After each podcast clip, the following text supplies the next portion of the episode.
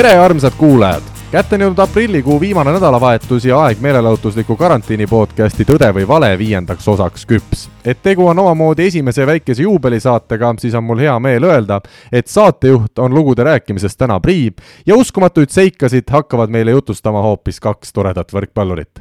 peale vaadates küll üsna erinevad, aga tegelikult nii sarnased. mul on hea meel tervitada Skype'i vahendusel kahte terava keelega meest nii Tallinna Selveris kui ka Tartu Bigbankis aastaid üksteisega koostööd lihvinud sidemängijat Ronald Järve ja temporündajat Meelis Kivisilda, olge tervitatud!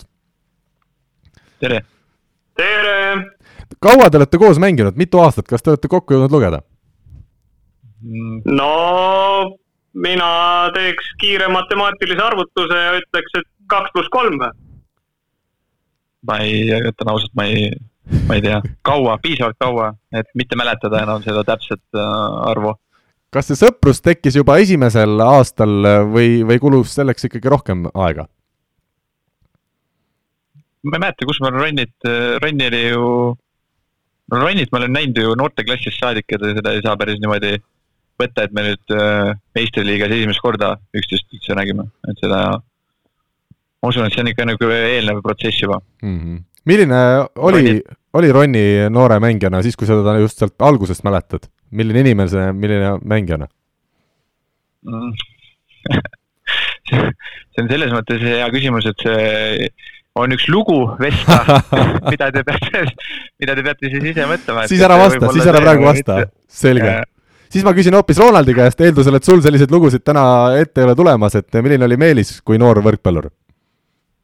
Aga vot sa eeldad valesti, et tegelikult mul on ka üks Meelise kohta omakorda, nii et eh, eks saame pärast lugusid hakata vaagima, et milline ta oli ja milline ta väga hea, te olete saanud äh, mänguülesannetest väga ilusti aru, mulle tundub, kuigi ma ei tea, mis lugusid te räägite, aga olgu siis veel lühidalt äh, seletatud ka kõigile, kõigile võrkpallisõppedele, kuidas see Tõde või vale saade meil käib. saate formaat näeb ette, et mõlemad võistlejad räägivad oma elust vastasele viis lugu, mille puhul peab siis teine osaleja koos minu kui saatejuhiga ära arvama, kas tegu on tõesti sündinud juhtumiga või väljamõeldisega. saate kahe viimase loo osas anname jälle võimaluse arvamiseks kõigile kuulajatele, kellelt ootame vastuseid, nii nagu ikka oma aadressile info, et võrkpall24.ee või võrkpall24 Facebooki lehe sõnumitesse. Ronald ja Meelis, nii et ma aitan alati neid arvajaid pooli ja siis ma saan pakkuda oma variandi, aga kokkuvõttes selline suur võistlus käib ikkagi teie kahe vahel ja teades seda, kui ikkagi palju te olete elus koos läbi elanud, siis ma arvan, nüüd olles teisel pool rindejoont mõlemad, siis siit tuleb üks tuline, tuline, tuline lahing või isegi sõda. Meelis, sinul kui vanemal mehel laseme alustada, ole hea, loe oma esimene aha, lugu ette. Nonii ma alustan siis üldse natukene alguse poole, et äh, võib-olla siis, kui, no mis võib-olla, Ronni siis mind kindlasti ei teadnud ja Karl, sina ka mitte. et ma olin umbes siis niisugune kümneaastane. et üldse siis oli ju aeg, kus ma tegelikult äh, ei olnud üldse võrkpalliga veel seotudki. et äh, mina mängisin siis jalgpalli, et see on täiesti nüüd ütleme tõsi, et see ei lähe nüüd sinna arvamise alla. et, et et see jalgpalli mängimine oli siis nagu ikkagi põhiline, kuigi ma seal midagi natukene vist käisin ka võrkpallitrennis, aga tollel ajal noh, see ei sobinud. aga meil oli jalgpallis niimoodi, et äh, suvel, noh suviti, mitte nüüd iga suvi, aga, aga päris tihti olid niisugused suuremad rahvusvahelised äh, noorte jalgpallivõistlused. et noh, mitte enamasti Eestis, et kui Eestis oli, siis me seda ei lugenudki selleks, aga aga me käisime nagu Taanis ja, ja, ja Taanis käisime üpriski tihti niisuguses väiksemas linnas nagu Aarhus. aga see, miks, miks see just see on huvitav äh, võistlus ja miks ta mulle meelde jäänud on, on sellepärast, et seal olid kohal ka siis ütleme nii-öelda tippsatside, mis nüüd praegusel hetkel meie teame, niisugused AC Milanid ja, ja isegi tegelikult oli ka Real Madrid nende noortevõistkonnad, aga noh, need ei olnud need nii-öelda A-võistkonnad, vaid olid mingisugused siis seal lihtsalt süsteemis mingisugused noored, kes siis käisid nagu noh, neil on nii palju noori seal, siis nad käisid igal pool neid võistlustel aga noh, põnev ikka ju niisugust äh, satsi üldse näha oma silmaga ja üldse neid treenereid ja, ja isegi kümneaastasena ikka ju mina juba teadsin küll AC Milanist, Filippo Inzaghi'd, Paolo Maldini'd, Gattusad, igasugused jutud olid juba tegelikult äh, tollel hetkel võib-olla isegi rohkem nagu olin ma sellistest asjadest huvitatud kui praegu. ja mis meil oli huvitav, oli see, et meid loositi ühte alagruppi AC Milani noortega. ja noh, kuigi see oli mingi see, ma ei tea, kas C võistkond või kuradi D-võistkond, et seda ma ei oska isegi öelda, et mis nagu tugevusklass nad olid. siis ütleme, Viljandi selline koondvõistkond äh, väga vastu ei saanud, et saime sellise tagasihoidliku kümme-kaks või üksteist-kaks või noh, ma nii ei mäleta enam täpselt, aga niisuguse ikkagi kõva, kõva ketuka ja peab arvestama seda, et mänguaeg oli lühike, see ei olnud siin mingi nelikümmend viis korda nelikümmend viis, see oli ikka selline pigem mingi kakskümmend korda kakskümmend minutit. aga ma noh, seda ma ei mäleta täpselt ka, ega ma seda skoori ka täpselt ei mäleta, aga, aga noh, umbes nii ta oli. Ja mis oli huvitav jällegi, et miks ma üldse seda lugu räägin, on see, et need kaks väravat äh,, Viljandi võistkonna väravat siis, kuidagi kobistasin maa ära, et äh, ühe oma pikkuse pealt kuskilt seal äh, karistuslöögist põrkas mulle ette sinna ja sai peaga sisse koksatud ja teine oli samamoodi, põhimõtteliselt ise jooksin selle palliga väravasse, aga seda ma nii täpselt ei mäleta, seda teist väravat, üks värav on nagu paremini meeles. ja mis siis veel edasi sai, oli see, et see mäng sai läbi äh,. Siis ma vaatasin, et äh, treenerid räägivad omavahel või noh, ma ei teinud sellest väga välja, noh, aga pärast noh, panid pildi kokku. ja see meie treener äh, Jaak, Jaak Luhakoder tuli siis minu juurde, helistas mu emale, aga ütles, et äh, see AC Milani noortetreener vaatas, et neil oleks vaja ka mingit niisugust pikemat mängijat oma noortesüsteemi. aga point oli selles, et neil, ütleme, ei olnud piisavalt nagu ikkagi hea, et saada nagu mingit täis sellist äh, stipendiumlahendust, et tule sinna ja hakka kümneaastaselt põhimõtteliselt ainult putti mängima, et see oli ikkagi nii, et siis peaks ise kuidagi selle tasu seal ära maksma, mis see kohatasu oli ja seda ma mitte, ma ei mäleta absoluutselt, mis see suurus oli ja ja ma ei mäleta, kui tõsiseks see teema üldse läks, aga ma tean, et selline lugu nagu korra selle treeneriga meil läbi käis emaga rääkisime, aga noh, ma olin kümneaastane, ega ma ise väga palju ei jaganud, lihtsalt mõtlesin, et ohoh, et võib-olla saab Itaaliasse elama minna, aga see oligi huvitav, et mul tuli see meelde niimoodi siis, kui sa mu käskisid meenutada. aga noh, nii oli, ega see kaugemale ei jõudnud kuskile. Ronni, kuidas sulle tundub see lugu, kas, kui seda esmapilgul kuulates seda Meelise juttu, on seal mingi tõetera sees ka või? no pikk ja lohisev nagu Meelise puhul ikka, et äh, aga mis mul nagu jäi äh, kõrvu oli see väikelinn Aarhus ja tegelikult ma tean, et Taanis on niisugune jalkaklubi isegi olemas äh,. aga no ma ei tea ikka, aga ma küsiks, et äh, mis positsiooni sa mängisid siis seal? no mina mängisin oma võistkonnas alati ründajat, kuna meil ei olnud väga hea sats ja pikad poisid pandi ette, et nende peale löödi tagant lihtsalt kõrg, kiired pallid, kõrged pallid ette, et äkki kuidagi kobistab ära. aga hea, et sa küsisid seda, sest et äh, kui rääkisidki treenerid omavahel, noh, siis nad ütlesid, et ründajaks kindlasti mind sinna noortesüsteemi ei võetaks, et võetakse, proovitakse siis vähemalt mingit nagu kaitsvat ikkagi, kas siis poolkaitset või siis nagu täitsa kaitsemängijat tekitada. aga räägi et sellest, ma pidin kohe arvestama. et mis sa, sa ütlesid, et nad nagu päris sind ei tahtnud võtta oma raha eest, vaid et sa oleks pidanud ikkagi midagi mm. maksma, et et neil nagu huvi oli, aga samas siis oli see huvi selline, et tule, aga maksa ise kinni või? no põhimõtteliselt küll, et see oligi, ma pärast olen sellest aru saanud, et see ongi niimoodi, et nad käivadki noortevõistlustel ka igasugustel erinevatel puhtalt selle eesmärgiga ka, mitte et ainult oma noortele mänguaega anda, vaid ka leida selliseid kujusid, kes siis on huvitavad, poolhuvitavad ja ütleme, natukene huvitavad. et kõigile on erinevad paketid ka pakkuda. Mingist... meie, mulle lihtsalt pakuti selline noh, et pead ise tulema, samas ikkagi võetakse vastu, noh, see on ka ju suur asi kas kooli Minu osas siis oli ka juttu, vaata, kui sa oled ikkagi väike poiss, et kuidas see kool või nii kaugele asi ei jõudnud? absoluutselt ei mäleta, noh, ei mm. mäleta, ei tea. ma arvan, et see ei jõudnud nii kaugele. okei okay., aga sinust ju jalgpallur. jah, nii? See oli ju siis, ma olin ju kümneaastane, mis see aasta oli siis, noh, see kaks tuhat, noh. Tead, aga ma siin arutan Ronaldiga vahepeal, et ega tegelikult ju, kui ta oleks nii hea jalgpallur olnud, et Juventus tuli ukse taha, okei okay,, ei tahtnud nüüd päris sedasi kohe ise kõik kinni maksta, aga ikkagi Viljandi poistest parim mees, et ma tean, Ragnar Klavan on ju ka Viljandist pärit, aga küll natuke vanem vist, et et, et mulle tundub nii, et kui ta oleks nii hea mees olnud, ta poleks seda võrku üldse vaatama hakanudki, Ronald, kuidas sulle tundub? Äh, ma arvan, et see on niisugune pooltõde lugu, et seal mingid terad on õiged, aga, aga see, et Milan teda sinna kutsus, siis äh, ma pakun, et see on vale, jah. mina pakun ka, et see on vale. Meelis, palun ole hea, räägi meile, kuidas on. praegu te kustusite ära korra mul.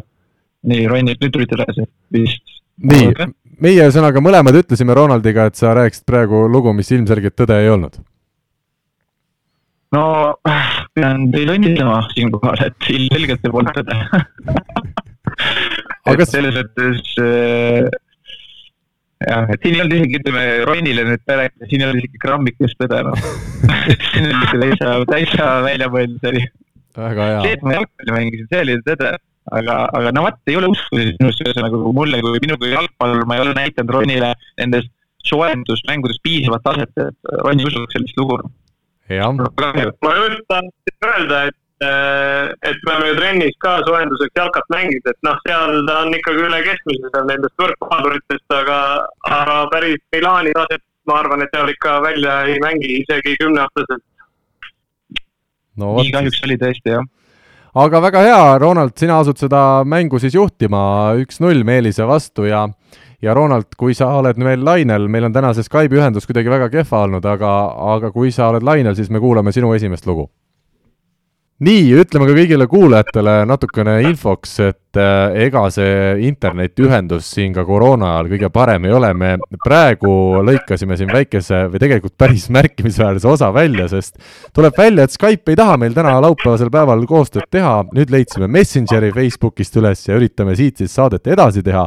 üks-null seisul, Ronald juhtimas ja me kuulame ka Ronaldi tänast esimest lugu Äh, nii, lugu siis järgmine, et äh, minu ja Meelise sõprus ei alanud kõige rõõmsamatel toonidel, siis minu jaoks, ütleme niipidi väga hea lugu ja see on väga hea lugu, ma isegi arvan, et ma tean, mis lugu see on. Ronald, ütle, mis aastal see siis oli? oh jumal, kuna siin saate alguses oli nagu juttu sellest, et me oleme noorteklassis ka nagu kokku puutunud, siis äh, ma jään selle täpse aasta võlgu, aga see oli U kaheksateist vanuseklass. ja mina mängisin siis endast kolm aastat vanematega ehk siis Meelise vanuse üheksakümmend sünniaasta äh, poistega äh,. ja see aasta, vot ma nüüd tõesti jään selle võlgu jah, aga no ikka aega tagasi. kuidas see võimalik on, oot, oot, oot, oot, et sa kolm aastat vanematega, sa olid niigi ju mitte kõige pikem poiss, ütleme oma vanuseklassi seas ju? ta oli ülearenenud noh. oli noorena väiksem ja, ja ta oli täitsa selline, vaatasidki, et kõik nagu võistkonnad on enamasti komplekteeritud ikka enam-vähem ühevanustest, aga aga siis oligi Rakveres oli üks selline täitsa nagu laps no., ikka konkreetne selline mudilane põhimõtteliselt oli kaasas aga ma ei mäleta üldse, kuidas ta hakkama ka sai või midagi, aga ma mäletan, et ta oli nagu olemas. aga see kasv oli sul siis enne juba Ronni olemas selline või, või kuidas selle kasvuga just, ma mõtlen, kui sa kolm aastat vanematega mängisid? kasvu polnud üldse, ma vastan kohe ära noh, kasvu ei olnud noh ei no seal oli tegelikult, eh, point oli ikkagi selles, et meil see, noh muidu Rakveres on ikkagi suhteliselt stabiilselt olnud nagu vanuseklassid aga see üheksakümmend vanus oli sihuke, kus, eh, mis oli nagu selgelt nõrgem, ütleme seal. kaheksakümmend üheksa lõpetas Juhkami ja Palmar ja, ja sellised mehed. ja üheksakümmend oligi nendest meestest äh,, polnudki enam kedagi seal, et see oli täitsa sihuke nii-öelda nullist äh, sats ja tänaseks päevaks, kui ma seda satsi mõtlen, siis sealt vist ei olegi keegi tegevatest jäänud mängima, et kes on, on võib-olla esiliiga tasemel. ja, ja sidemängijatega oli seal samamoodi väga suur nagu puudus. ja ma ei mäleta, kas seal oli mingi vigastuse teema ka, aga igatahes sinna turniirile ma kaasa sain. ja seal ma siis seda Meelist ka esimest korda nägin. milline see mm -hmm. esmamulje oli siis? no seal no, oli sa võid kohe jõuda, Ronni, sinna jutuni, et mis see esmamulje oli, et räägi siis nagu ikka väga detailselt tahetakse seda teada nagu. jah, esiteks oli tal palju rohkem juukseid peas, kui tal on täna ja tal oli sihuke huvitav eh, soeng, et see oli sihuke noh, natuke nagu kräsupea või, või sihuke nagu kergelt lokki kiskuv. ja, jah, ja, ja, ja kuna seal oli see teema, et ma ei tea, kas ta ise teab seda, aga teda vist hüüti seal ringkondades kuidagi kassinäoks. ja, ja siis. karm elu.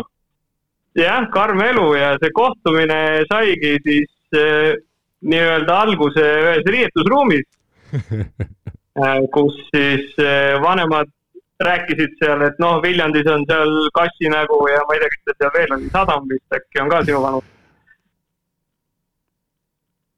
ja, ja ühesõnaga, et ja sa olid vist vigane seal ka veel oma põlvedega ja siis, et noh, et muidu oleks ikka kõva sats, aga näed, kassi nagu ei mängi ja ja siis ma siukse noore tatikana siis panin ka üle riietusruumi.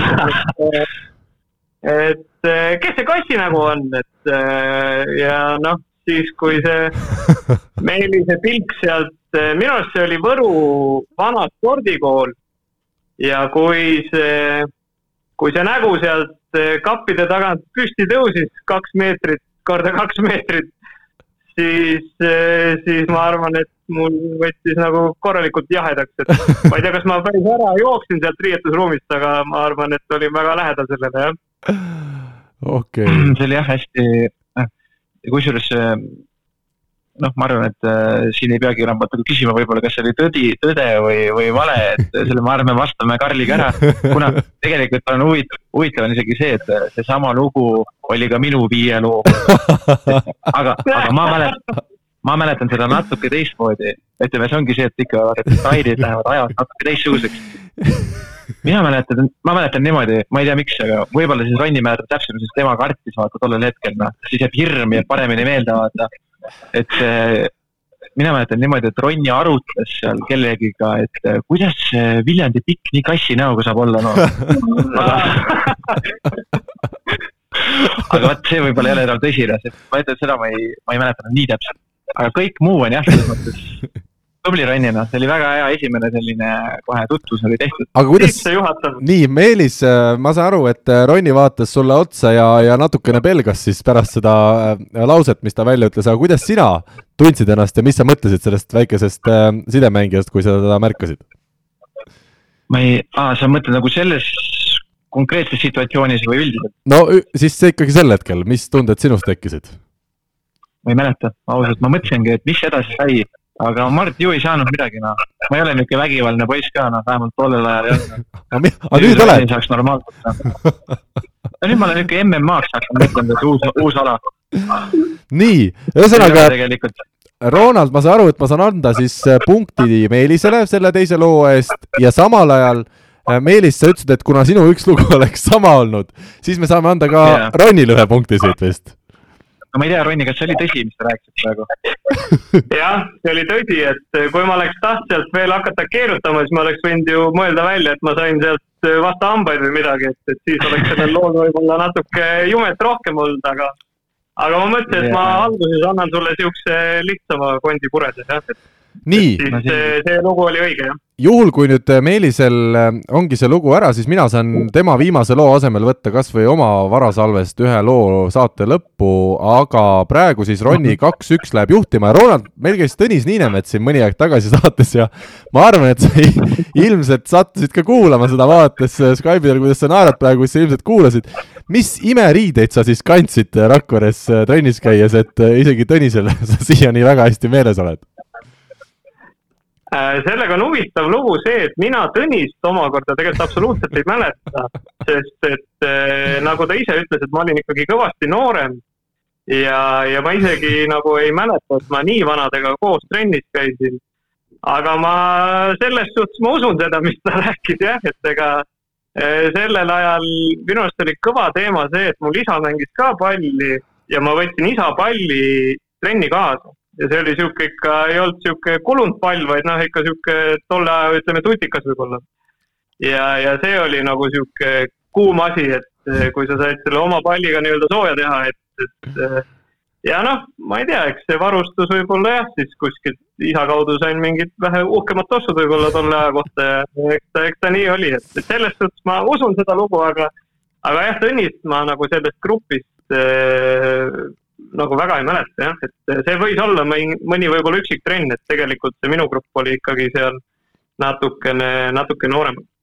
väga hea, nii et võib öelda, et Tõnis mäletab sind kui väikest ja nooremat poissi hoopis varem, kui sina mäletad teda kui vanemat ja kogenumat sellist vanema grupi juba trennikaaslast Rakverest. no mitte trennikaaslast, aga ütleme, samas võrkpallitrennis ikkagi te käisite sama, sama mehe Mati Meriranna käe all jaa, seda küll, et ma tean, et ta on mänginud ja ta on minust Kaarli ja, ja nendega vist koos, noh, lõpuks tuli välja, et Juhkamid ja need ka, et et ma tean, et ta on käinud trennis ja Rakverest ta pärit on, selles suhtes jah, et eks me oleme ikka korra seal saalis nagu kokku sattunud.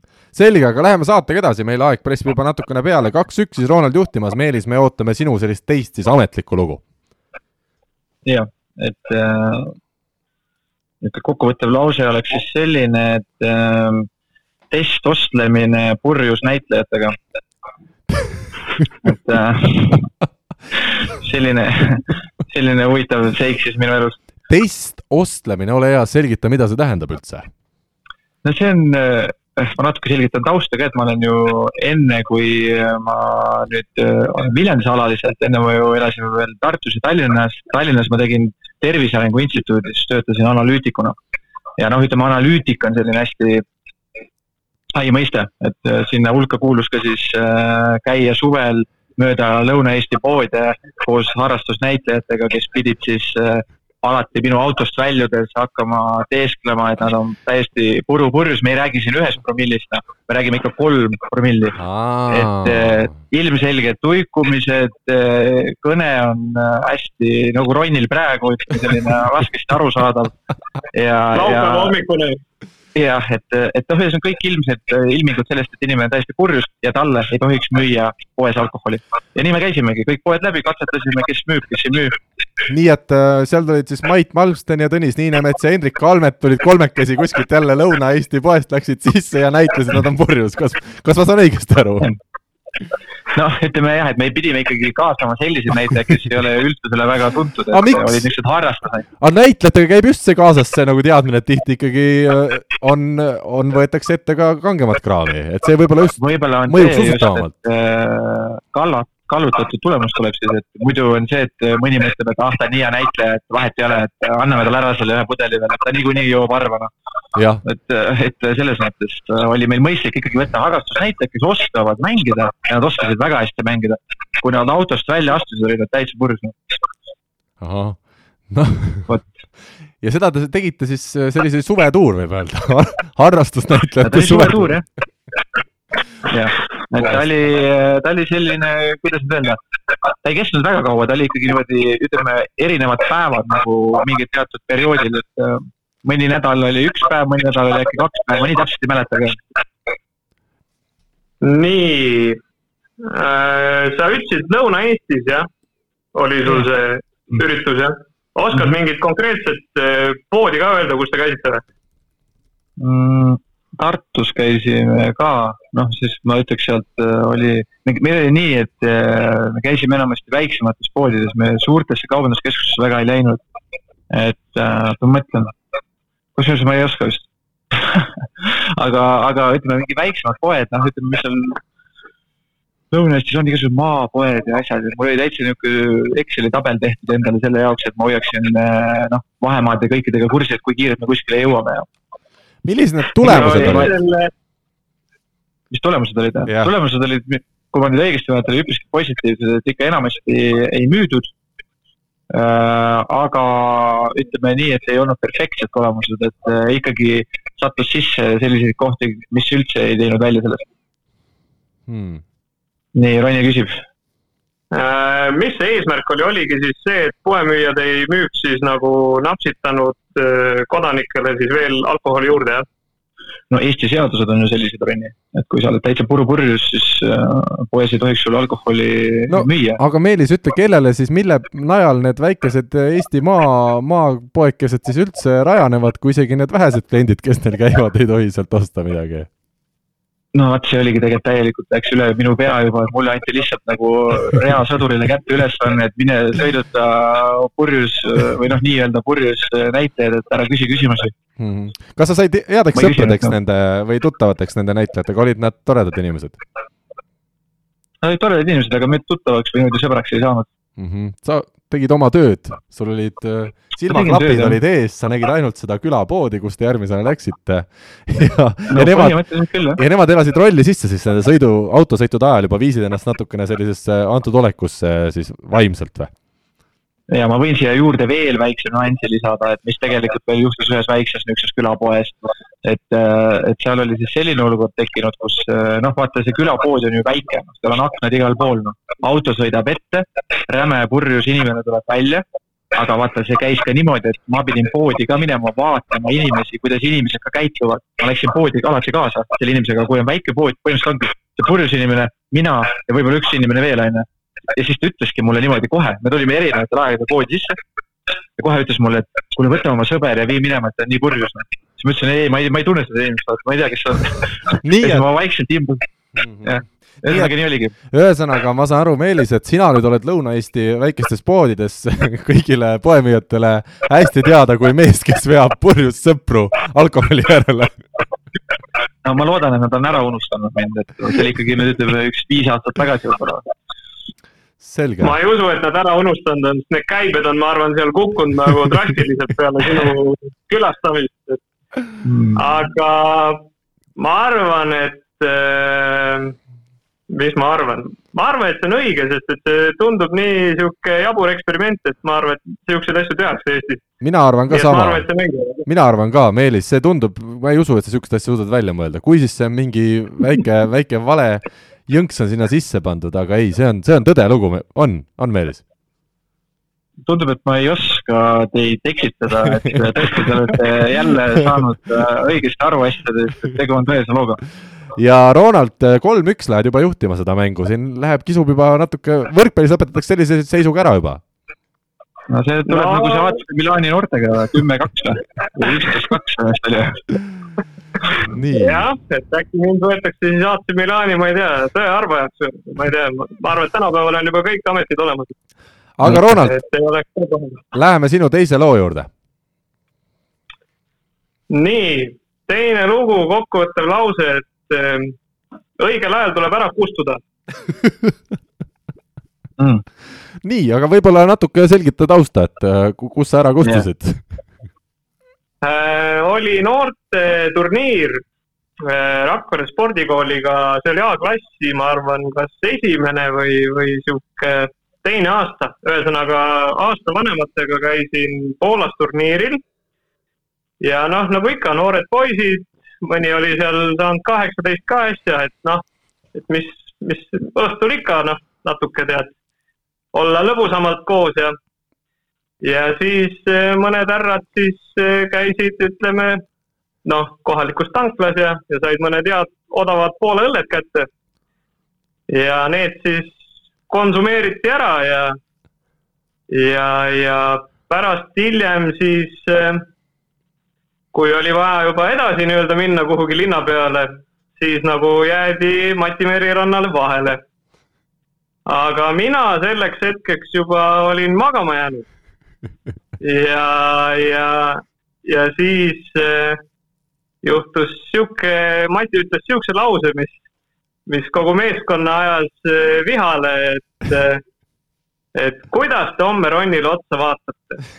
näete, et spordimees magab, ja, ja kuna ma ise magasin ja järgmine päev sellest kuulsin, siis, siis mul oli nagu jah, nalja oli, oli piisavalt, aga, aga jah, seal kõvemad mehed ikkagi said mingi karistuse ka, mingi ei mäleta, mis seal nagu oli.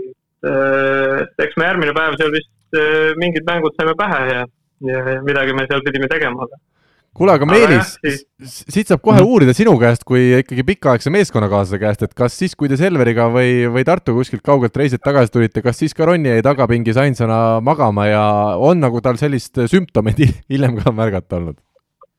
Ronnil on natuke teistmoodi, et äh, Ronny teab ise ka, et äh, mis sümptomid tal esinevad, kui vahepeal äh, hakatakse neid tuju tõstma väliste vahenditega Rannil on selline asi, et ta lihtsalt mingi hetk äh, suvaliselt kaob ära. et, äh, et äh, seda on tal päris tihti juhtunud, seda võid isegi talle nagu peo alguses rääkida, et Ronny, sa kaod niikuinii ära mingi hetk. ja seda ta ka teeb, päris tihti. ta lihtsalt mõtleb, et nüüd aitab, et siit edasi läheb ohtlikuks ja siis ta kaob ära. et selles mõttes, kui nüüd rääkida, et oligi Ronny ainukesena jälle kuskil magas üksi kõik teised olid kuskil eemal. see tundub tõene, see tundub, tundub tõene, ma sain praegu ka kinnitust juurde, jah. okei, okei, kas need poisid aga..., nii? aga noh, ma mõtlen, et äh, ma küsin Ronni, kas see oli nagu teil ikka nagu sama vanuseklassiga või, või jälle see, et sa olid üle arenenud ja võeti vanematega kaasa? Äh, see oli üheksakümmend kaks vanus jah, seal tänaseks päevaks ma arvan, et kui ma ütlen sulle nime Kaspar Pomerants, siis sulle võib-olla meenub ja, ja Mihkel Iielaid, kes, kes mängivad hetkel siis Rakvere esiliigas, on võib-olla niisugused nimekamad, kes sealt on veel tulnud ja Hardi Talv, kellega me käisime siis juunioride MM-il koos. ja ega sealt selline punt seal oli ja, ja see oli üks väheseid Rakverega välismaal käimisi. et eh, me käisime küll Soomes Power Cupil ja, ja talvel oli üks Baltiksi juunior kapp ka vist aga see Poola turniir oli nagu sihuke jah, päris sihuke erakordne asi minu jaoks no Karl, sa võid mõelda korra veel, tahad midagi küsida? jaa, ma tahaks ainult seda öelda, et kui vaadata, kuidas te seal Poolas käitusite, see oli teie üks väheseid välisreise ja siis ka ainult äh, Ronald suutis seal õigel ajal magama minna ja siis ta ütles, et ühtegi mängijat ei tulnud, siis ma täitsa saan aru, miks ainsana Ronald siin ütleme ikkagi vähegi kaugemale sellest seltskonnast jõudis tervitame Mati Meriranda, ma lo-, ma loodan, et ta nüüd meie saateid ei kuula. Äh, mina pakuksin, et see lugu on kõigest hoolimata, ma ei tea, miks ma seda arvan, aga et see on tõde. Meelis. aga oota, oota, nüüd on, mul on selline seis, et äh, ma vaatasin, kui intensiivselt Ronni seletas praegu seda lugu, üritades seda tõeseks teha äh,. nii, hakkame jõudma asja tuumale juba mul hakkab äh, kahtlus tekkima, et, et ta võib-olla mingil määral, võib-olla see võistlustel käidi isegi, oldi, aga kurat, ma ei tea, ma mõtlen, ma kaotan niikuinii, sest ma tean, Ronny on nii hea mängija. aga ma panen, et see oli vale, noh. nii, Ronald, palun avalda meile tõde. nii, vaata, te pakkusite nii-öelda viiki, jah? mina pakkusin, et äh, see on tõsi ja, ja Meelis arvas. ma pakkusin, et vale. just mm. -hmm. üldse nii pakkuda ja, ja, ja muidugi saab ja minu arvamus üldiselt ei loe, see on lihtsalt äh, mu enda huvides. Ronald, palun, palun. nii, nii, vastus on, et see lugu on õige, jah. et, äh, et see oli Poolas, see oli, ma linna ei tea ja, ja üldse, mis turniir ja miks ja, ja seda ma ei tea aga ma mäletan seda, et me läksime sinna Ford Transiti ühe, mitte üheksakohalisega, aga nüüd see järgmine mingi, ma ei tea, mis see kaksteist kohta äkki või mm. -hmm. selle bussiga panime siis Rakverest sinna Poola ja tagasi ja, ja see on mul meeles, et sellistes tingimustes ma vist polegi rohkem reisinud ja ja, ja see tõesti sündinud lugu ja, ja, ja tõepoolest, et õigel ajal tuleb nagu ära kustuda, et siis, siis saad nii mõnedki asjad ära peita no vot, ma oleks pidanud oma sisetunnet usaldama, et ikkagi äh, kohe vaata, ma ju rääkisin Karlile ära, Karl äh, uskus mind, et nii ongi Ronniga ja noh, tegelikult ongi noh, et noh, midagi teha ei ole sa oleks pidanud iseennast natuke rohkem uskuma ka vaata.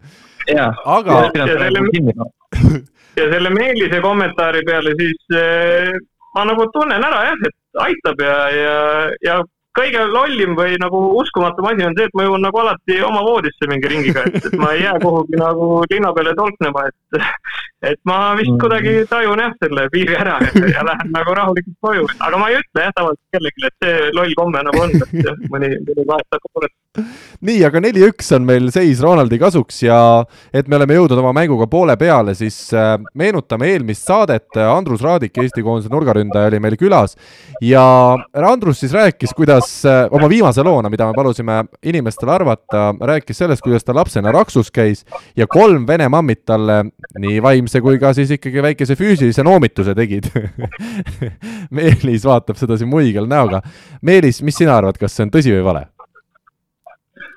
No ratša on ju nii suur, et ma selle koha paneks, et kolm mammit peavad teda nüpeldama, et selle ma paneks tõeseks, et, et üks ilmselgelt ei saa hakkama.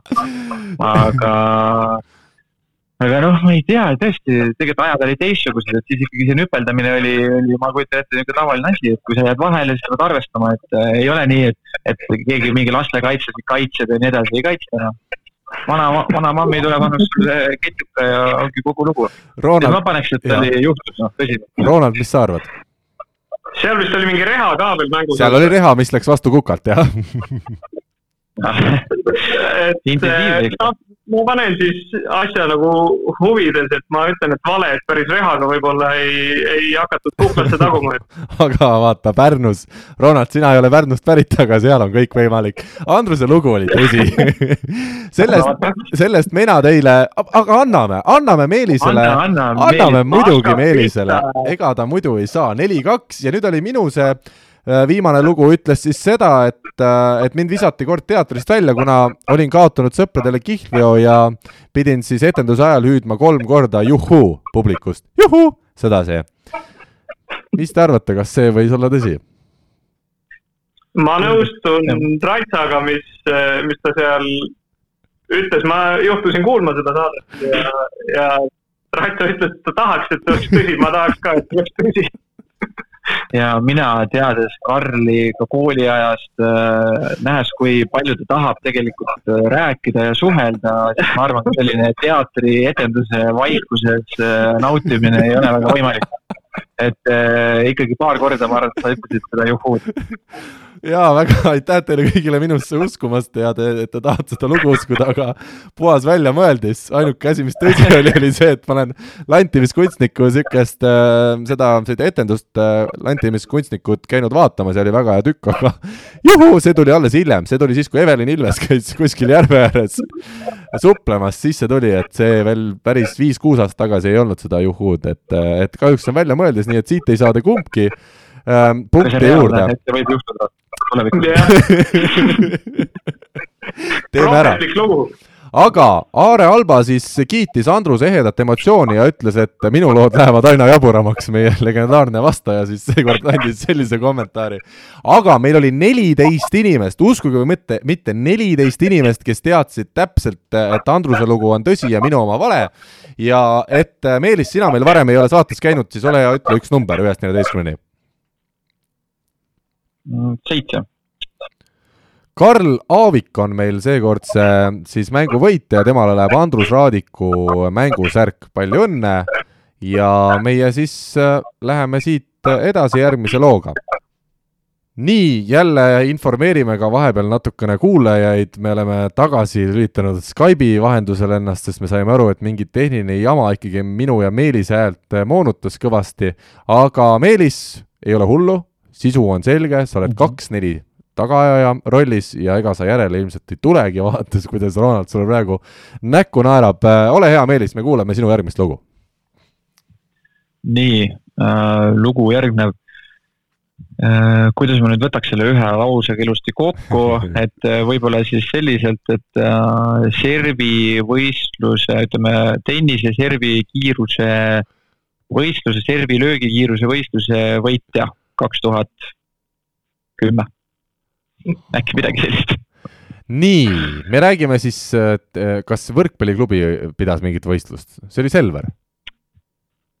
ma mängisin siis Selveris, aga selle võistluse korraldas ikkagi tennise mingi organisatsioon, et äh, seal oli erinevate spordialade esindajad, seal ei olnud ainult mina, seal oli Ott Kiivikas, Valmo Kriisa, seal oli mingisugused jalgpallurid ka, keda ma ei mäleta. nii, kui sa ütled Ott. ja võib-olla oli Ott Kiivikas, Valmo Kriisa, ma just ütlen jalgpallurid, need on kõik niisugused mehed, kes väga ilmselt seda palli lüüa ei osanud, et see lugu tundub juba alguse põhjal väga tõene, et kui sa siia paneks mingi hea nime veel, et seal oli Anett Kontaveit või või äh, Marat Saafin või? oli siis ju täitsa laps ju. no, aga sinust lõika tugev ma arvan.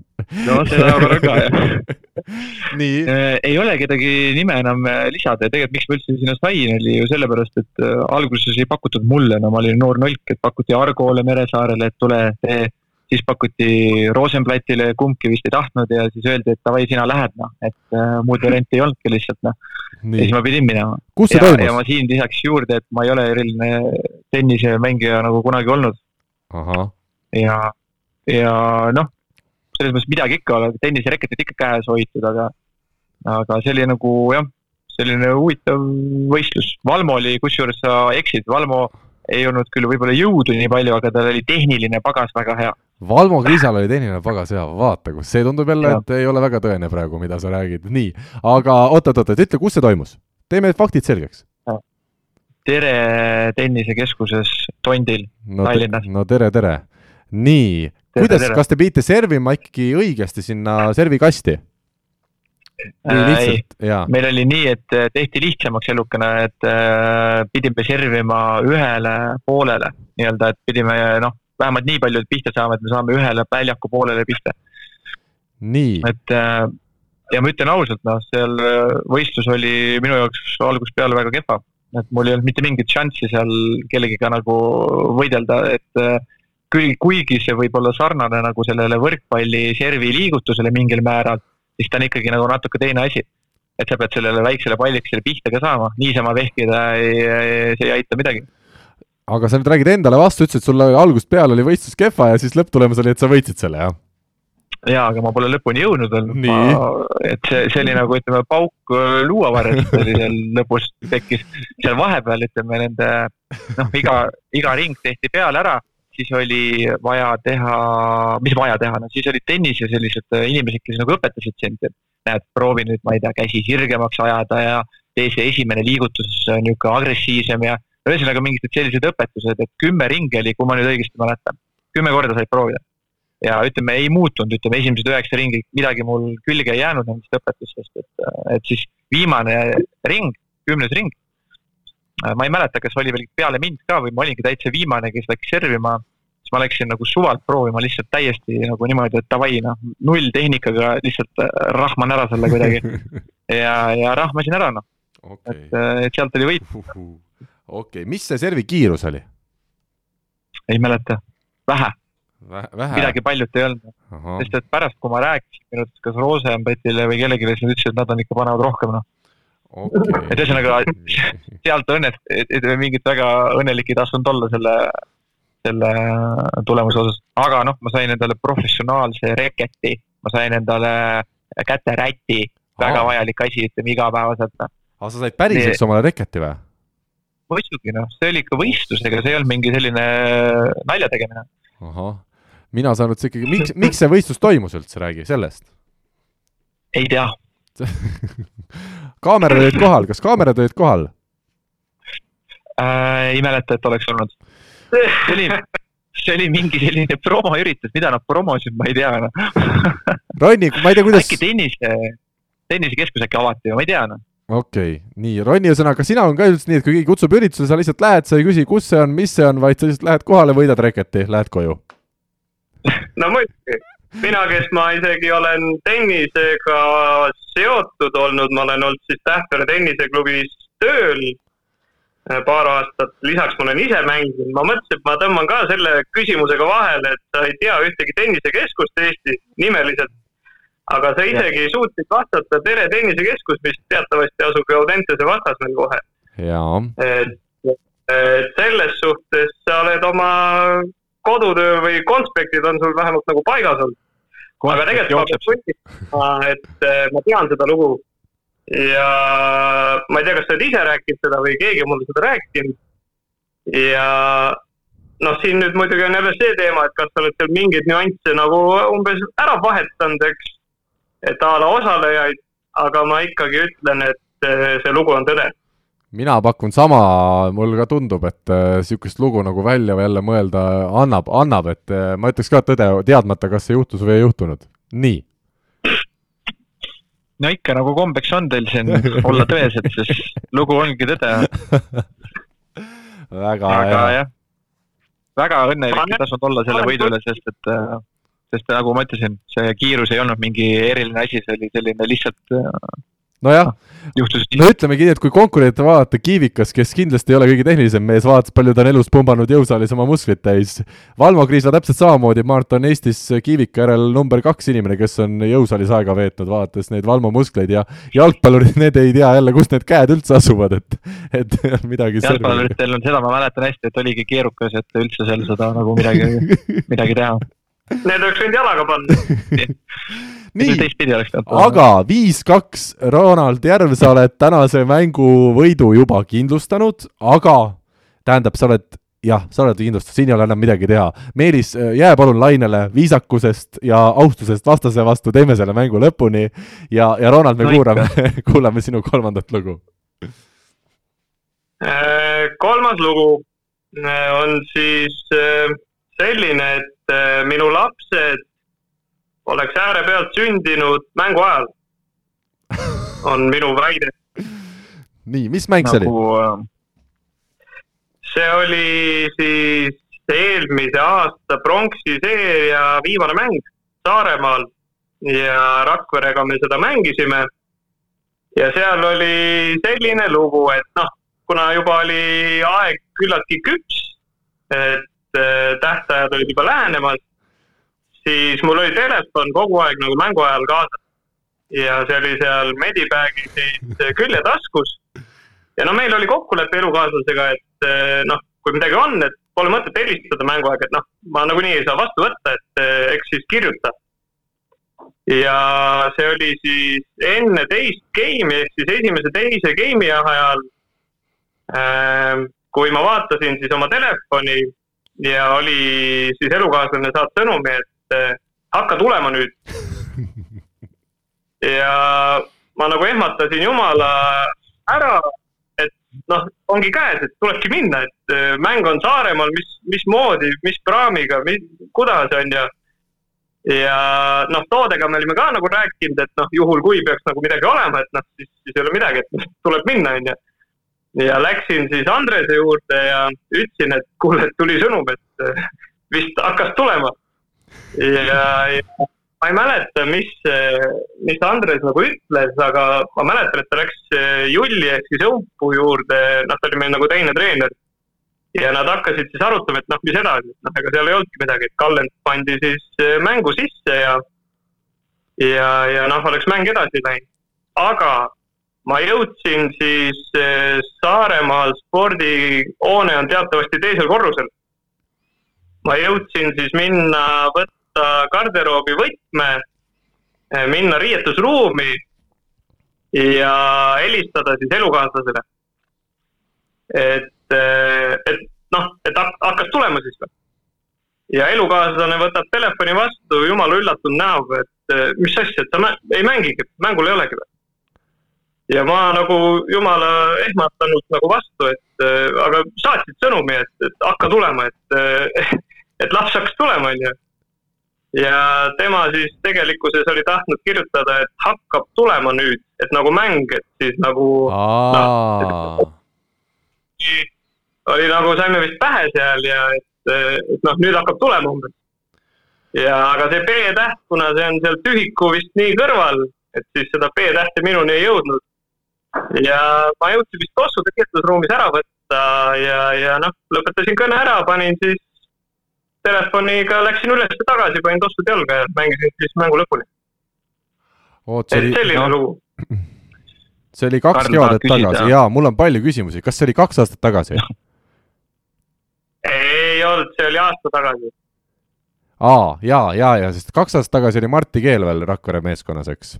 Ja, aasta tagasi, jah. ja te ühe, ühe mängu te võitsite Saaremaa vastu seal pronksi mängus, kas oli nii või, pronksi seerias? see oli Rakveres minu arust meil see seeria kuidagi pandi seal kokku, et me mängisime Saaremaal lõpuks kaks mängu ja niimoodi, et eh, ma sõitsin, äkki oli reede ja pühapäev oli mängud ja ma sõitsin veel eh, reede õhtu siis nagu Tartusse elukaaslase juurde tagasi.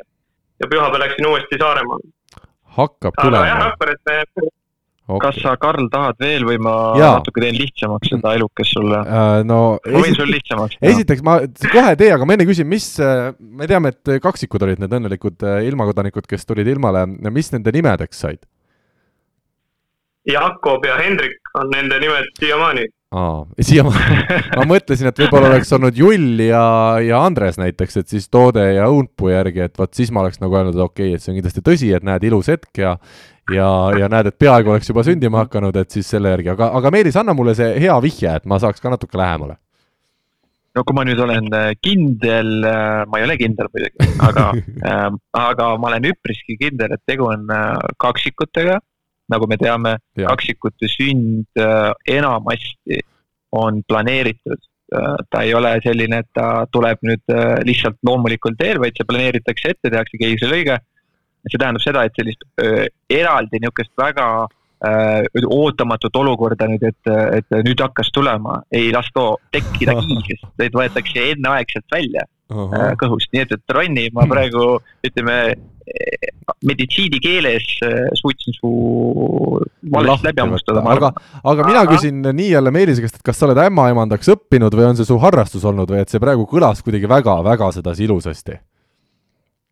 no ämmaisand, esimene Eestis võib-olla ei tea, et äh, tegelikult, tegelikult vaata endal ka ikkagi laps, et oled palju uurinud neid asju, aga ma mäletan ju, noh, me ju suhtlesime tollel ajal Roniga ikkagi noh, tihedalt. et mm, -hmm. et siis äh, ma nagu mäletaks ikkagi seda, et teil oli ikkagi ette planeeritud see selline minek haiglasse ja, ja see ei olnud selline äkk asi. no nii. ma panen vale, vale Ronni. kommentaariks öelda, et, et laps, noh, see sündmus juhtus pühapäeval ja lapsed sündisid teisipäeval. ja oligi nii siis, jah? nii, et ja, et pühapäeval oli, oli hooaja viimane mäng ja, ja teisipäeval siis lapsed sündisid pealt.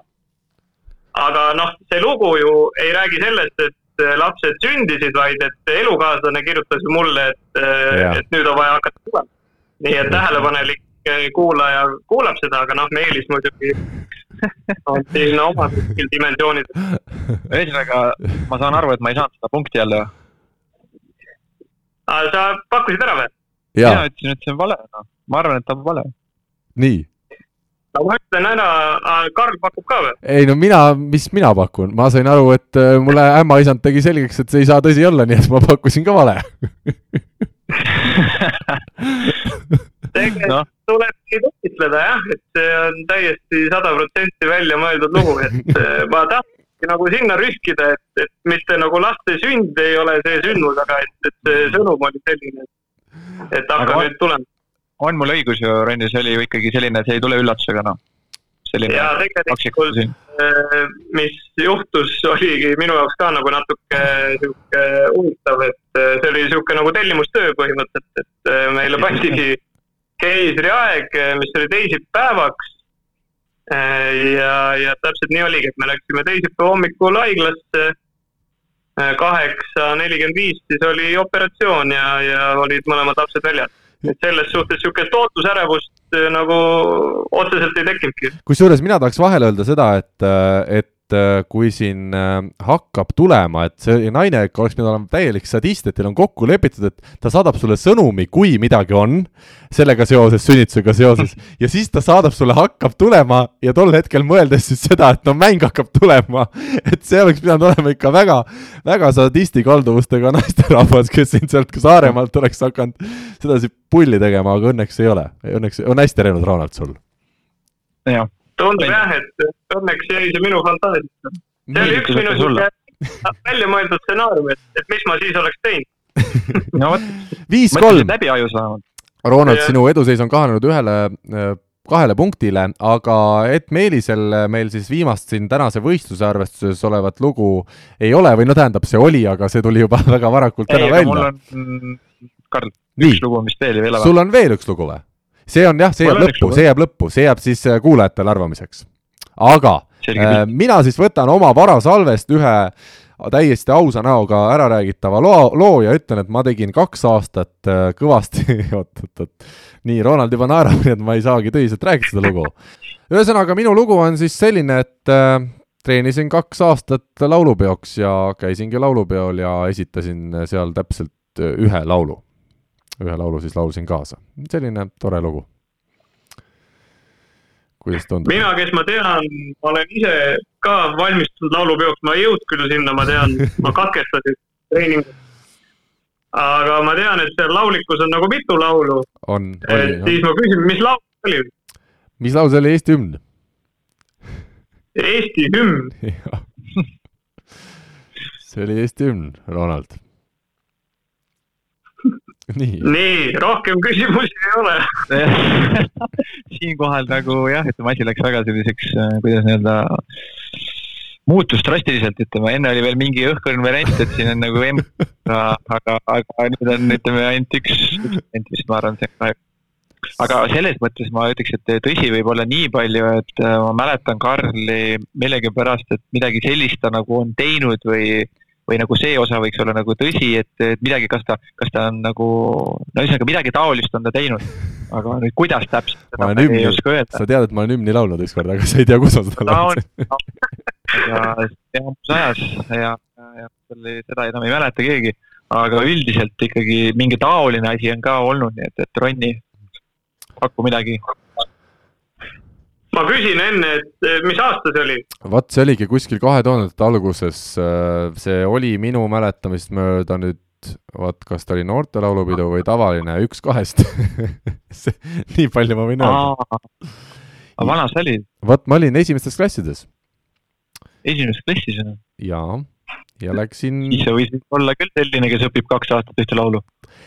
seal oli seal oli pigem üks teine põhjus, kuna te ei, ei, sedasi ei vii see küsimustele on ju sinna, siis ma toon ise teid sinna asja oh, tuumani. nii, nii, nii, Meelis. miks sa esitasid ühe laulu? Eh, sest see oli esimene laul, see on, see on see vastus sellele küsimusele.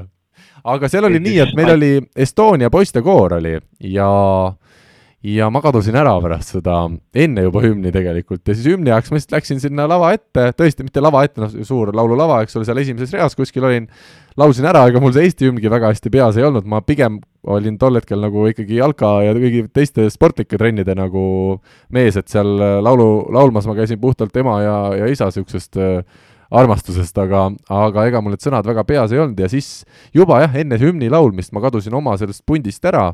Ja, ja siis pärast ma otsisin ema kuidagi üles, vot seda ma ei tea, kas ema vist seisis seal kuskil. igatahes ütlesin emale, et mul poisid on kadunud teised ja, ja siis ütlesin, lähme koju, ema ütles davai. ja, ja nii see laulupidu sai siis küllaltki varajase lõpu minu jaoks mm. -hmm ühesõnaga, ema kuulis sind laulmas ja koristas su sealt kiirelt ära, et siis on nagu rahu majas, jah? seda ütlesid sina, Ronald seda, seda ei ole mina öelnud. ema ütles, et ema ütles, et sa oled väga eriline, sa oled väga eriline poiss, sa alati mulle olnud väga eriline. sa oled väga eriline, aga ära täna rohkem laula. Lähme koju ära panema. mina ütlen, et see on vale. aga mul on nii, et äh, kuna ma pean ikkagi ronnist eristuma, et saada need kaks punkti kätte, siis ma pean kahjuks minema seda teed ja ütlema, et see on tõde. kuigi ma tean, et see on ebareaalne. kuigi Meelis, miks on ebareaalne väike laps? Läheb temal laulupeole, oma rühmast kuidagi kaob ära ja, ja siis läheb koju, miks see ebareaalne, see on ju väga, vaata palju inimesi seal laulupeol on. Äh, no jah, ütleme, ta ei ole ebareaalne täielikult, aga see kuidagi sinu loo esitus nagu ei olnud usutav praegu. ei olnud usutav, kahju, ära, ära ütle halvasti, ära ütle halvasti praegu sedasi. ühesõnaga, sa pakud, et, sa pakud, et see on tõsi. mina pakun, et tõsi, jah. ja Ronald pakub, et see on vale ja tõtt-rõtt-töö, Meelisele topeltpunktid, see on tõesti sündinud lugu. Ei ole mina enne ega pärast osalenud laulupeol, aga seal sai siis see üks Eesti on ära lauldud ja tõesti, ma ei leidnud seda oma punti üles, ma olin väike poiss ja kuidagi ema ma nägin ja me läksime koju, seda ma mäletan. no eks sa üks no. väike eriline poiss olid siis. Midagi ei ole muutunud. see laul läks hästi võib-olla. See oli heliliselt ilmselt kõige parem laulupidu, sest mind ei olnud kuulda nii. Äh, jõudsid koju ilusti? jõudsime koju ilusti ja saime telekast edasi vaadata seda pidu. viis-viis on meil seis enne siis viimast äh, tänase võistluse lugu ja Ronald, palun, me anname nüüd sõna sulle. nii, lugu järgmine et äh, minu kolmas asutus mida ma külastasin peale karikafinaali, selle aasta karikafinaali, oli Graamo tööriistakeskus kolmas asutus. kolmas asutus, kui me loeme ööpäeva nagu mm. -hmm. ma tean, et no,. Sa... jaa, Meelis no,, Meelis. ma väga lihtsa küsimuse kohe, et sa saad veel selgitada see, miks sa käisid seal, mis oli see põhjus? selle põhjuse valmistas mulle minu tore elukaaslane kes siis äh, tuli kaasa elama karikafinaalile äh, kahe siis meeskonnakaaslase äh, ka elukaaslasega, nimetame neid siis Stefanaks ja Albertaks, nimi muudetud. Ja... väga vajalik, Ronald, väga vajalik muutmine, aitäh. et äh, lugu siis selline, et nad läksid siis majutusasutusse Tallinnas ja parkisid auto kuhugi sinna kõrvale. Et noh, viskavad kotid ära ja lähevad siis äh, suurhalli edasimängu vaatama. aga nende õnnetuseks pandi see värav kinni, kuhu nad selle auto panid. ja siis. oot, oot, oot, oot, Ronald, ma nüüd arvan, sa pidid välja saagima nad sealt no me jõuame sinna jah. väga, väga hea. see oli kinni ja nad läksid mängule taksoga suurralli. Ja mina sellel ajal loomulikult ei teadnud midagi. ma mängisin mängu ära ja läksin siis noh, elukaaslase juurde, et noh, et soovib mulle äkki õnne või midagi ja ja siis, kui ta selle uudise mulle ütles, siis see oli üks, üks sihuke jah, ainuke asi, mis mul seal nagu jäi kubisema, et see karikafinaal hetkeks nagu kadus täitsa ära, et mismoodi ma selle auto sealt väravast siis homme kätte saan. ja noh, ega siis pidu sellepärast nagu pidamata jäetud ja, ja miks kolmas asutus siis noh, ikka öölokaal oli esimene, teine oli hotell ja, ja hommikul siis oli vaja hakata lahendama seda muret ja, ja noh, elukaaslane mul sihuke noh, maatüdruk ja ütles, et mis seal ikka, et lähme siis võtame Craamost rellaka ja, ja lähme siis lõikame selle tabalukku läbi ja paneme uue asemele, et mis seal ikka. kusjuures nad olid helistanud eelmine päev sellele nii-öelda omanikule ja nagu selgitanud rahulikult, aga noh, see omanik oli nad suhteliselt nagu pikalt saatnud ja, ja järgmine päev enam telefoni vastu ei võtnud ja ja lugu siis lõppeski nii, et Äh, võtsime hotellist siis järgmine päev takso ja läksime Craamosse, võtsime sealt siis aku rellaka ja, ja ostsime uue tabalukku ja, ja, ja saime selle auto sealt lõpuks kätte, aga ja helistasime ka veel sellele inimesele. ta ikka ei võtnud vastu ja siis helistas üks teine mees vastu ja rääkisime talle loo ära ja ja see oli juba niisugune mõistlikum inimene ütles, et, et noh, mis seal ikka, et ma lihtsalt pean nüüd tegema neid võtmeid rohkem, et kuna see värav Äh, ei ole ainult nagu tema kasutuses, et seal on mitu kasutajat. ja noh, mis lõpuks nagu välja tuli, et see, kuhu nad selle auto suutsid parkida, ei olnud absoluutselt seotud selle majutuskohaga. et see oli mingi hoopis kõrval parkla. Nii, Ronald, ma nüüd esiteks äh, ütleksin kõigile kuulajatele seda, et kes te olete ikkagi maalt, siis ärge, ärge tulgegi linna poole, et see isegi, ükskõik, kas see lugu on tõene või ei, et selliseid asju võib juhtuda, Tallinn on suur linn, ma võin olla, seal on, seal kõik inimesed ei tunne kõiki, sealt ühest äh, asula osa, otsast teise ei saa kahe, kahe sammuga ja, ja kui autot pargid, sa ei saa heinamaale kuskil, see on sama, nagu sa paneksid kuskil põllu peale, tead, maasikapõllule paneksid auto, see on sama meie linnas, tunneme seda samamoodi, kui keegi paneb ennast valesse parklasse või vale parkimiskoha peale. oota, aga räägi, kust, see oli siis kellegi hoov, kes oli pannud selle lukku selle või? jah, see oli niisugune nagu aiaga piiratud hoov ja värav ja, ja tabalukk oli, oli ette pandud selle ajaga, kui nad siis läksid autost asju hotelli tuppa tõstma, panid asjad maha, ma ei tea, kas keegi seal äkki veel meikis ennast või natuke läks aega ja ja kui nad tagasi tulid, siis oli tabalukk ees ja, ja autot nad enam sealt kätte ei saanud tundub väga huvitav selline lugu, väga detailne jällegi. Jah, detailne, aga tohutult segane minu jaoks. siin on nii palju küsimusi, et kui see saade saab läbi, ma jään, ma jään Ronaldilt neid üksikasju veel selgitama, sest, sest see oli sihuke, ühesõnaga, te tulite autoga või noh, maalt tulid, eks ole, inimesed, muidu tuled maalt ja hobusega, nemad tulid autoga, see oli esimene viga. siis teine viga oli see, et nad tulid autoga Tallinnasse, aga nad ei mõiganud minna ka mängu vaatama autoga, vaid nad läksid taksoga seda mängu vaatama, Suurhalli. see on juba üks asi, mis ütleb, et see lugu on kindlasti vale. see, et see rellaka tõi hakkas saagima seal, see on muidugi veel eriti vale lugu. aga lihtsalt ma mõtlen, et kus, kuhu see mõistus oli jäänud tolleks korraks lihtsalt see Alejandra ja kes need olid veel seal. et see oli juba jäänud vist sinna ikkagi talupidamisse, mulle tundub nii R. Ronni nojah, et selle taksosõiduga, et see oli nagu sundolukord, et kuna autot nad, nad ei saanud lihtsalt Aa, okay. sealt Äh, suurralli autoga sõita, et auto oli selleks ajaks juba lukku pandud okay., et nende plaan oli siis, et nad viskavad hotellis asjad maha ja tulevad autoga mängule. aga noh, selleks ajaks oli auto juba läinud siis mhm. kellegi teise valdusesse tundub jah, selline täiesti, täiesti nagu, ütlen hästi räägitud lugu, kui ta ei. on nüüd ütleme tõsi, on ju, siis äh, Ärme. ei ole arvata. ei no see ei ole isegi hästi räägitud lugu, kuule kus sa tuled selle peale, et sa hakkad kus? mõtlema välja, et ma läksin, võtsin Craamost relaka, et tabalukk läbi no, lõigata, mul on fantaasia, ma ei mõtle nii palju välja. ei no ma võin ka öelda, et ma käisin kuu peal ära ja siis läksin juba mööda minnes ka päikese pealt läbi, aga no seda ei saa uskuda, sama on see relaka lugu, no sa ei lähe rellakat võtma ja mingit suvalist hoovi ust lahti saagima. Meelis, no kas teil Viljandis käib nii okay. no tundub nii, et käib no.. iga hommik jälle rellakaga. sul on kaks asja hommikul. Lähed, võtad rellaka ja siis võtad selle uue tabalukku, et jälle uus lukk panna sinna. no, no mina. parem kui Pärnus, Pärnus saab vana tädide käest pekki. ja rehaga veel et see on ikkagi veel järgmine tase.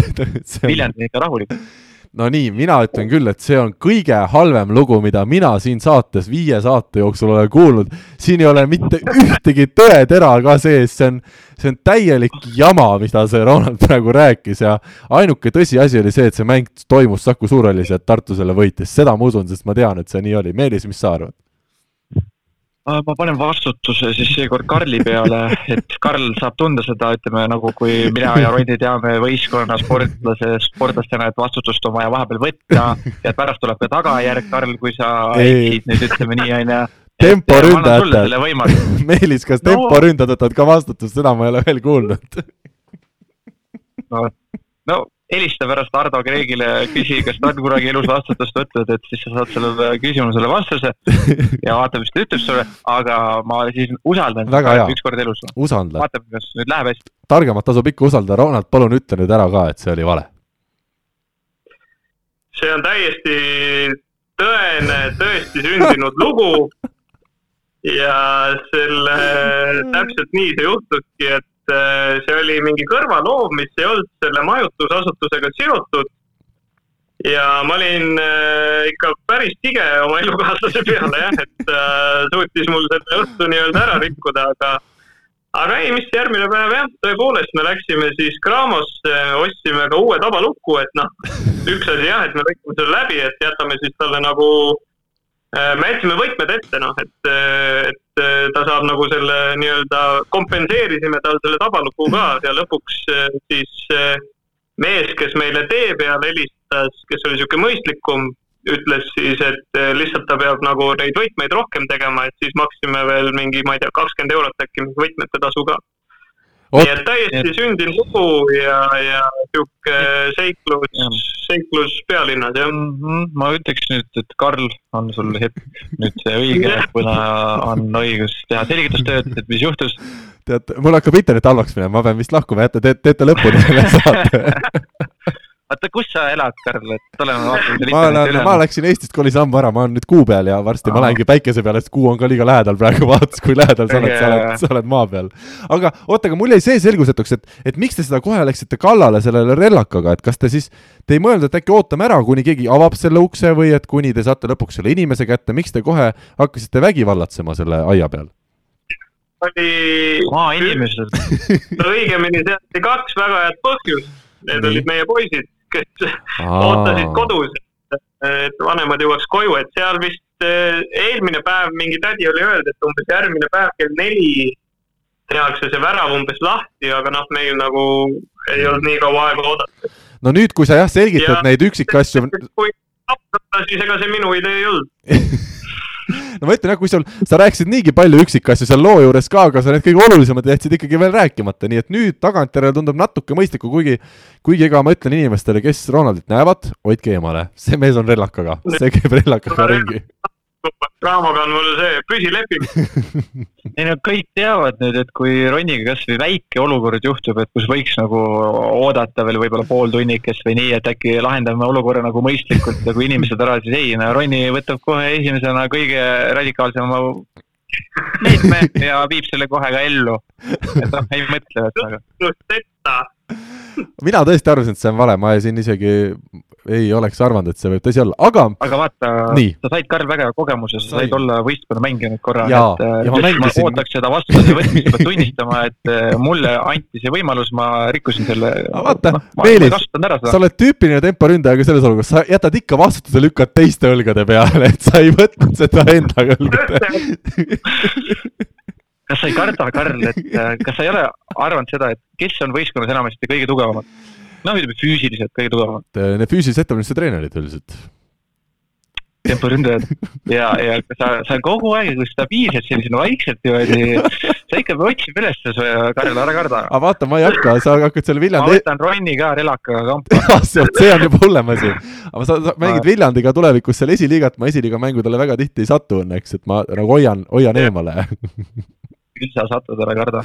igatahes super äge lugu, Ronald, selliseid uskumatuid lugusid on alati tore kuulda ja me nüüd siis läheme nende kahe loo juurde, mida laseme kõigil kuulajatel arvata. kõigepealt, Meelis, palun sinu viimane lugu. mm. -hmm.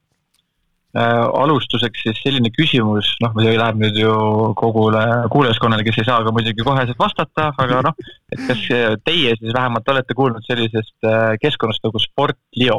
ma arvan, et äh, Karl ikka, noh, aga Ronni? Mikk Meerents teeb seda vist või?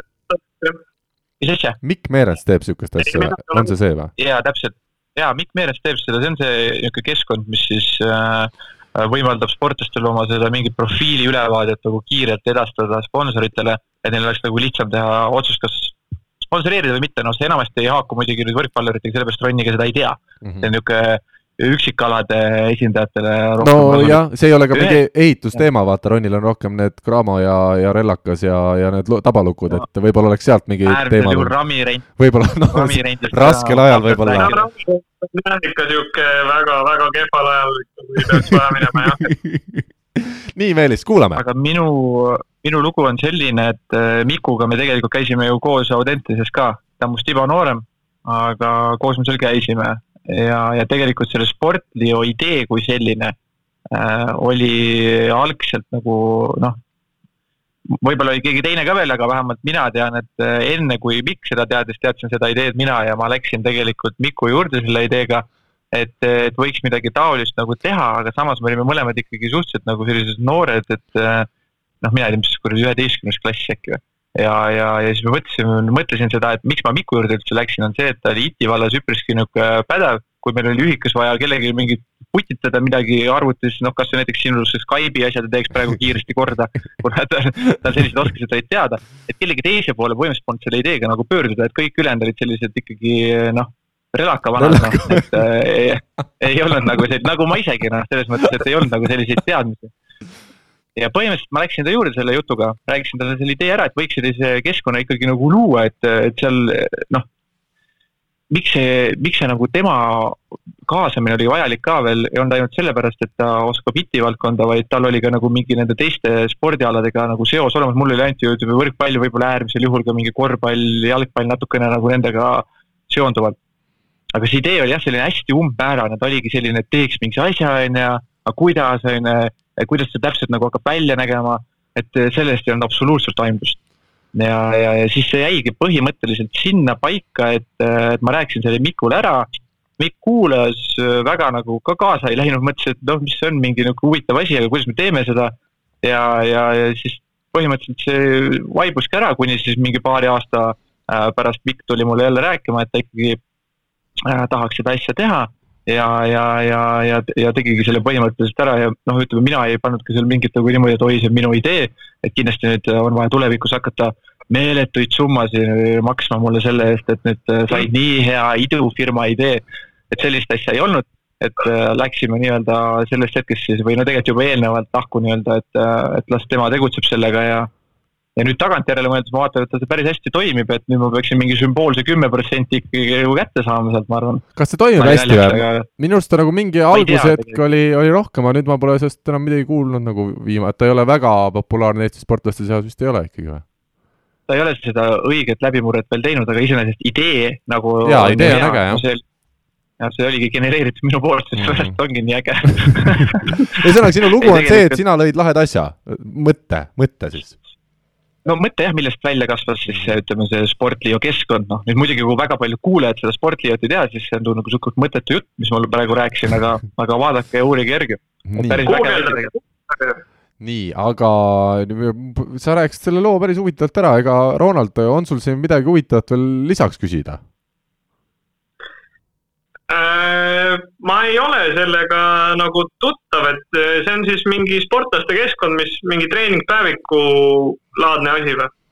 no seal on ikkagi see ka, et ta nüüd muidugi kõvasti-kõvasti edasi arenenud, ma ütlen, mul see viimaseid arenguid ma ise ka ei tea, mis seal täpselt nüüd teha ja näidata saab, aga põhimõte oli see, et ikkagi näiteks kui me võtame Carl Rinaldo on ju, kergejõustiklane mhm. kunagi oli, äh, jooksis näiteks mingit teatud distantsi sellise kiirusega, siis on võimalik nagu ütleme, need statistilised näitajad anda nagu hästi aastate, ütleme noh, ongi nagu see on ülevaade sponsoril, kes, kes, noh, graafik põhimõtteliselt jah, ta näeb sind nagu tervikuna. et ei ole nii, et sa lähed kuskile lihtsalt nagu äh, sponsoriga rääkima, aga sul pole mitte mingit visuaali talle edastada.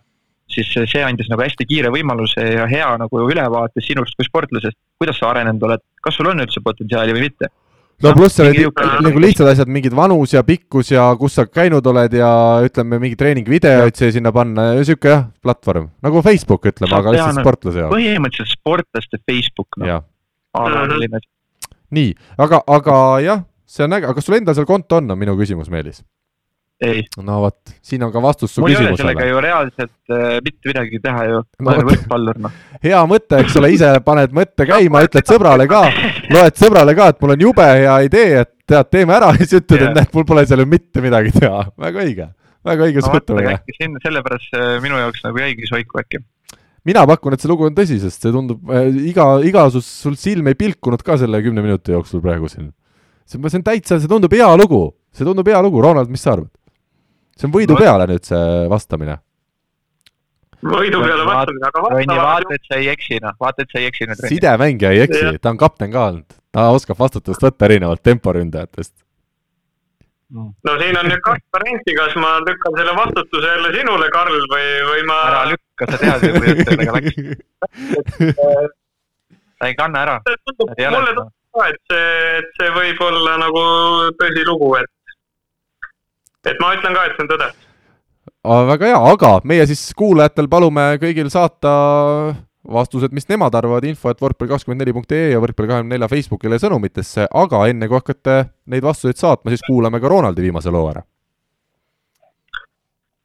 jah, minu viimane lugu on siis kokkuvõetav sellise lausega, et teel Rakverest Tartusse sai minust äh, Tallinna Selveri mängija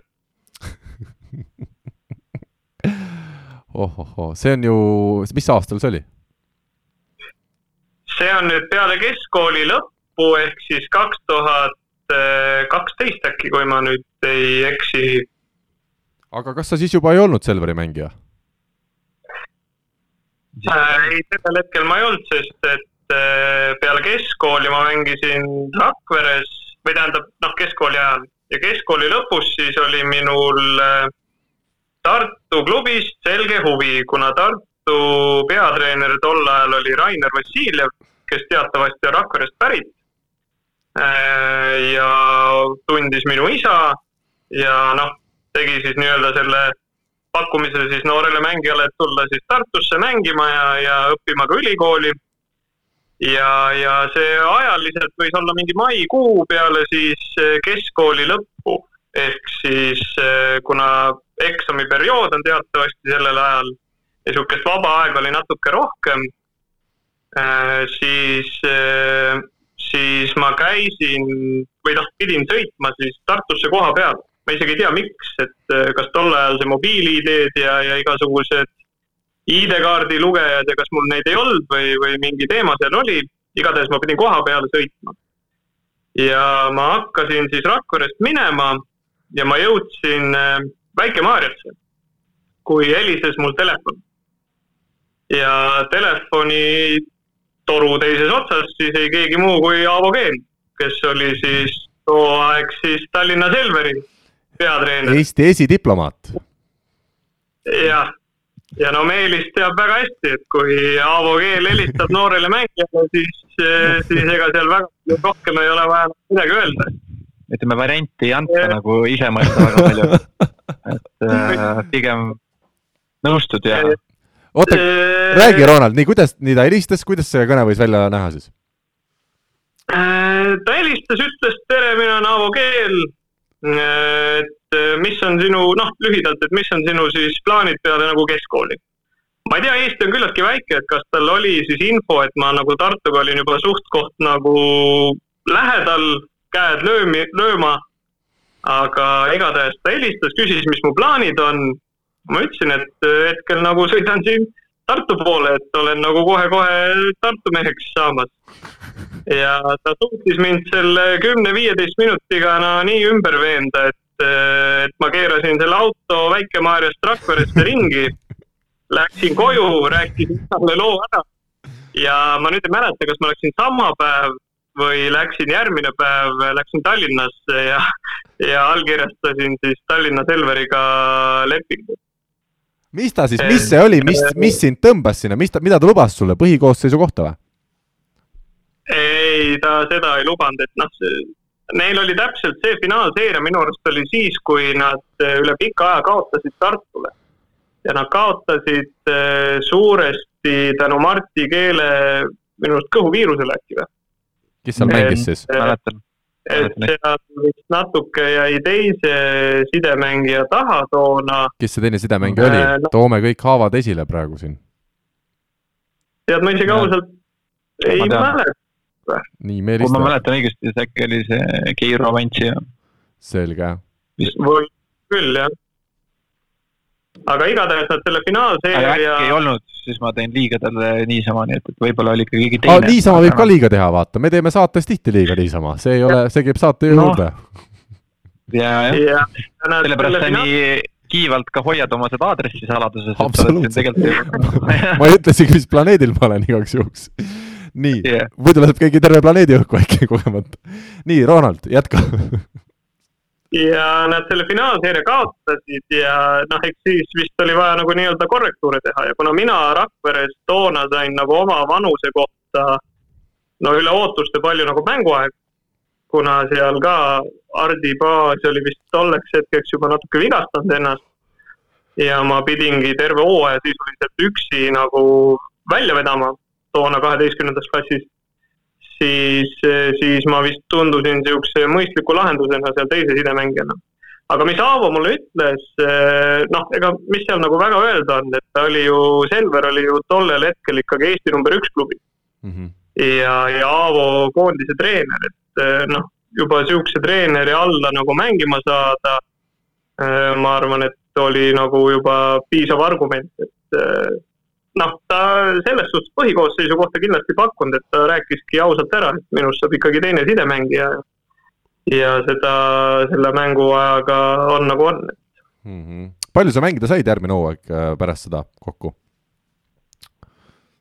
ega ma ei saanud seal väga midagi, et üks mäng Taugapilsiga millegipärast tuleb nagu ette, kus me vist euro mingist mängust olime naasnud yeah. suht otse reisilt ja siis anti, anti nagu nii-öelda teise ešeloni meestele okay.. aga see Selveri aeg oli muidugi viljakas, et eh, kahel aastal kaks tiitlit, et eh, kolmas nüüd tuli siis Tartuga. nüüd on nii-öelda see komplekt on koos. okei okay.. tulles selle ikkagi nüüd selle loo juurde, siis eh, tõsi, võib olla seal nagu see osa, et Aavol on reaalselt nagu raske öelda ei, kui ta hakkab väga tugevalt nagu rääkima selles osas, et noh, et kui ta soovib sind kaasata kuskile. et miks see nii on, ma ei tea, Karl kahjuks ei saa ka seda kunagi teada, ta arvatavasti ei hakka sind kuskile kunagi kaasama nii tugevasti. aga noh, Ronni ja mina siinkohal saame nagu nõustuda.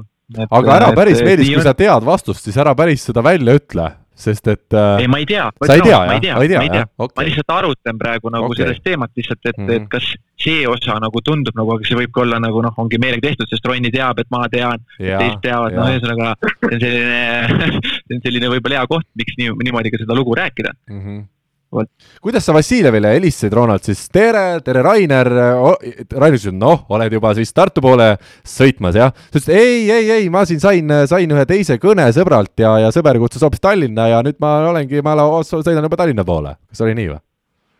sellega oli hea lugu see, et kuna ma ise olin niisugune noor mängija, siis ma jõudsin sealt Väike-Maarjast Rakveresse koju ja ma lasin selle kõne vist isal teha, kui ma õigesti mäletan et äh, kuna isa mul tundis Rainerit nagu paremini kui mina, siis, äh, siis jah, ja noh, niisuguse noore poisina, et ega, ega seal nagu jah, midagi rõõmsat äh, vastu ei tulnud, et noh, ma ei olnud küll nagu mingit kindlat jahhi öelda, et see oli niisugune nii-öelda läbirääkimiste, ütleme niisugune viimane faas või, või noh, et kui oleks seal kõik nagu klappinud, siis ma oleks alla kirjutanud, aga aga jah, ma sinna Tartusse lõpuks, lõpuks ei jõudnud tervitame siinkohal siis Järvemelli. Yeah. ja mina küsin, Meelis, sinu käest, kas Aavo ka sind äh, meeskonda mingi hetk ju tõi või tulid sa otse kuidagi Audentesest ja see oli selline loomulik üleminek, et ta ei pidanud sind kuidagi nõusse rääkima? ma ei mäleta ausalt seda, kui sellist nagu ise Selverisse tulemist, see oli nagu pigem tollel ajal üpriski selline äh, loomulik äh, protsess, kindlasti ta suhtles midagi, aga see ei ole nüüd nii tugevalt meeles, ütleme pigem Ronni äh, selline situatsioon, kus ta oli mitte nagu Audentese äh, kasvandik, et äh, siis see oli nagu niisugune loogilisem, et meil rääkis võib-olla isegi äkki oli, ma mäletan, Kaupo Torro nagu rohkem, et tema oli too aeg nagu mänedžer ja need, kes enam-vähem natukene võib-olla noh, mängisid mingigi taseme välja, et võiks kasvõi trenni kaasata äh, Selveri treeningutesse, siis see tuli pigem vist sealtkaudu, aga ma ei ole nüüd kindel, võib-olla oli see Laavo kõne ka ikkagi sees okei okay., nii, kui me nüüd hakkame järeldusi tegema, siis mina ütlen, Ronald, see tundub täitsa selline, täitsa selline võimalik lugu, miks mitte, eks tegelikult siin ei ole ju äh, no ütleme, tavainimesed võib-olla just kõige vähem nendest lepingu läbirääkimistest teavad, ega neid ave-, ametlikult ja avalikult väga tihti ei räägita, pigem ongi see, et mis klubiga liitus, aga mis äh, lood seal taga on, kuidas liitus, kuidas need läbirääkimised käisid, ega neid ju tihti tavainimesed ei tea, et see tundub täiesti selline, miks mitte, treener võttis kõne, uuris, kuidas on ja, ja noor mängija jäi nõusse. nüüd mis nagu natukene, et kas nüüd just Tartusse sa samal ajal sõitsid, et sama õhtu juba Tallinnasse, et said kuidagi jube kõva rallimees, et poleks sinust võrkpallurit saanud, oleks võib-olla hoopis Tänaku kõrval praegu kuskil seal äh, jah, hoopis muudel radadel olnud, aga, aga see ka, et kas Vassiljev tahtis sind puhtalt, sa ütlesid sellepärast võttis võistkond, et ta ju teadis sind ja su isa, et kuna Rakverest, et kas puhtalt sellepärast, samas ütles, sa ei tea hooaja teinud, et Rainer võis muidu ka ju tegelikult huvi tunda, nii et mina arvan küll, et see on tõsilugu. Meelis, mis sa arvad? ta on niisugune fifty-fifty lugu mulle tundub praegu.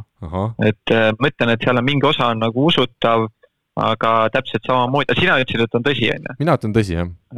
jah, okei okay., aga jah, no raske öelda, noh, ma ütlen mõlemat pidi, tundub, päris hästi rääkisid selle loo, et. Äh, no. esimene, tal läks aega küll kõvasti, viies lugu, esimene, mis oli hästi räägitud.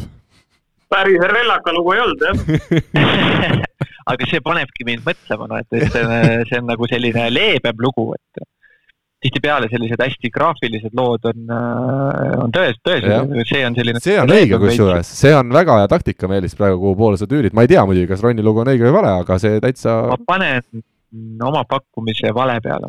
okei okay., nii et head kuulajad ja Meelis ütleb veel aga, aga ei, Meelis ei ütle midagi ma ütlen ühe kommentaari vahele selle sinu ralli, ralli lembuse kohta tollel hetkel mul oli üheksakümne kolmanda aasta BEM kolmanda seeria oma.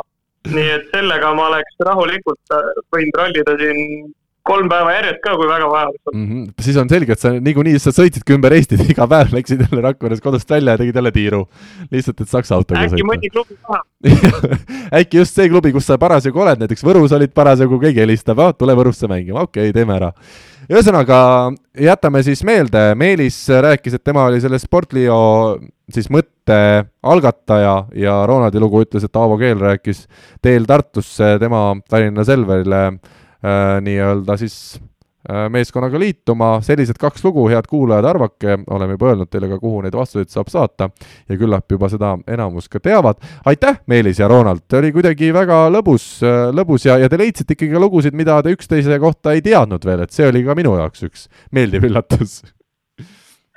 Algus ei olnud paljulubav muidugi selle koha pealt, aga, aga jah, lõpus. läks ja hästi huvitav oli ikkagi, et me mõlemad pidasime top viis loo hulka vajalikuks kaasata ja lisada see kassi lugu, et see oli päris selline see oli huvitav, see oli huvitav hetk, ütleme nii, noh. kas enam sind ei, enam sind ei hüüta nii, Meelis? vot ma ei tea ju, ma ei teadnud too hetk, et hüütakse, et võib-olla Ronni siiamaani veel kuskil seal sahistab midagi, et aga noh, ma arvan, et no vot, ma ei oska öelda, ma vaatan ennast, on ju, praegu kass, mis kass? ma ei oska öelda, kas ma olen kassi näoga mm -hmm. või ma ei ole kassi sa oled rohkem kassi näoga kui mõni, mõni kass ise, nii et äh, mina ütlen võimalik. No kui tahavad kutsuda kassiks, siis kutsuge. see ei ole ju halvasti, see ei ole ju halvasti, kui keegi kutsub kassiks. jah, kui inimesel on selline nägu, noh siis tuleb kutsuda, midagi teha. no mis me teeme, ei olegi midagi teha.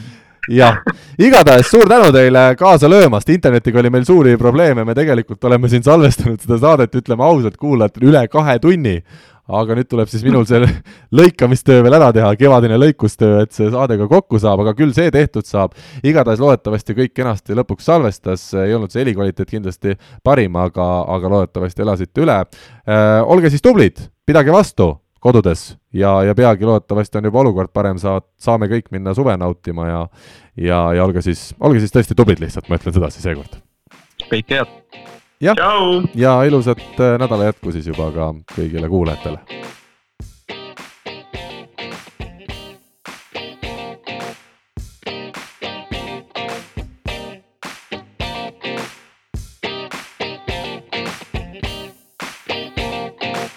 Eesti kõige põnevamad podcastid on Delfis, kuula tasku.delfi.ee.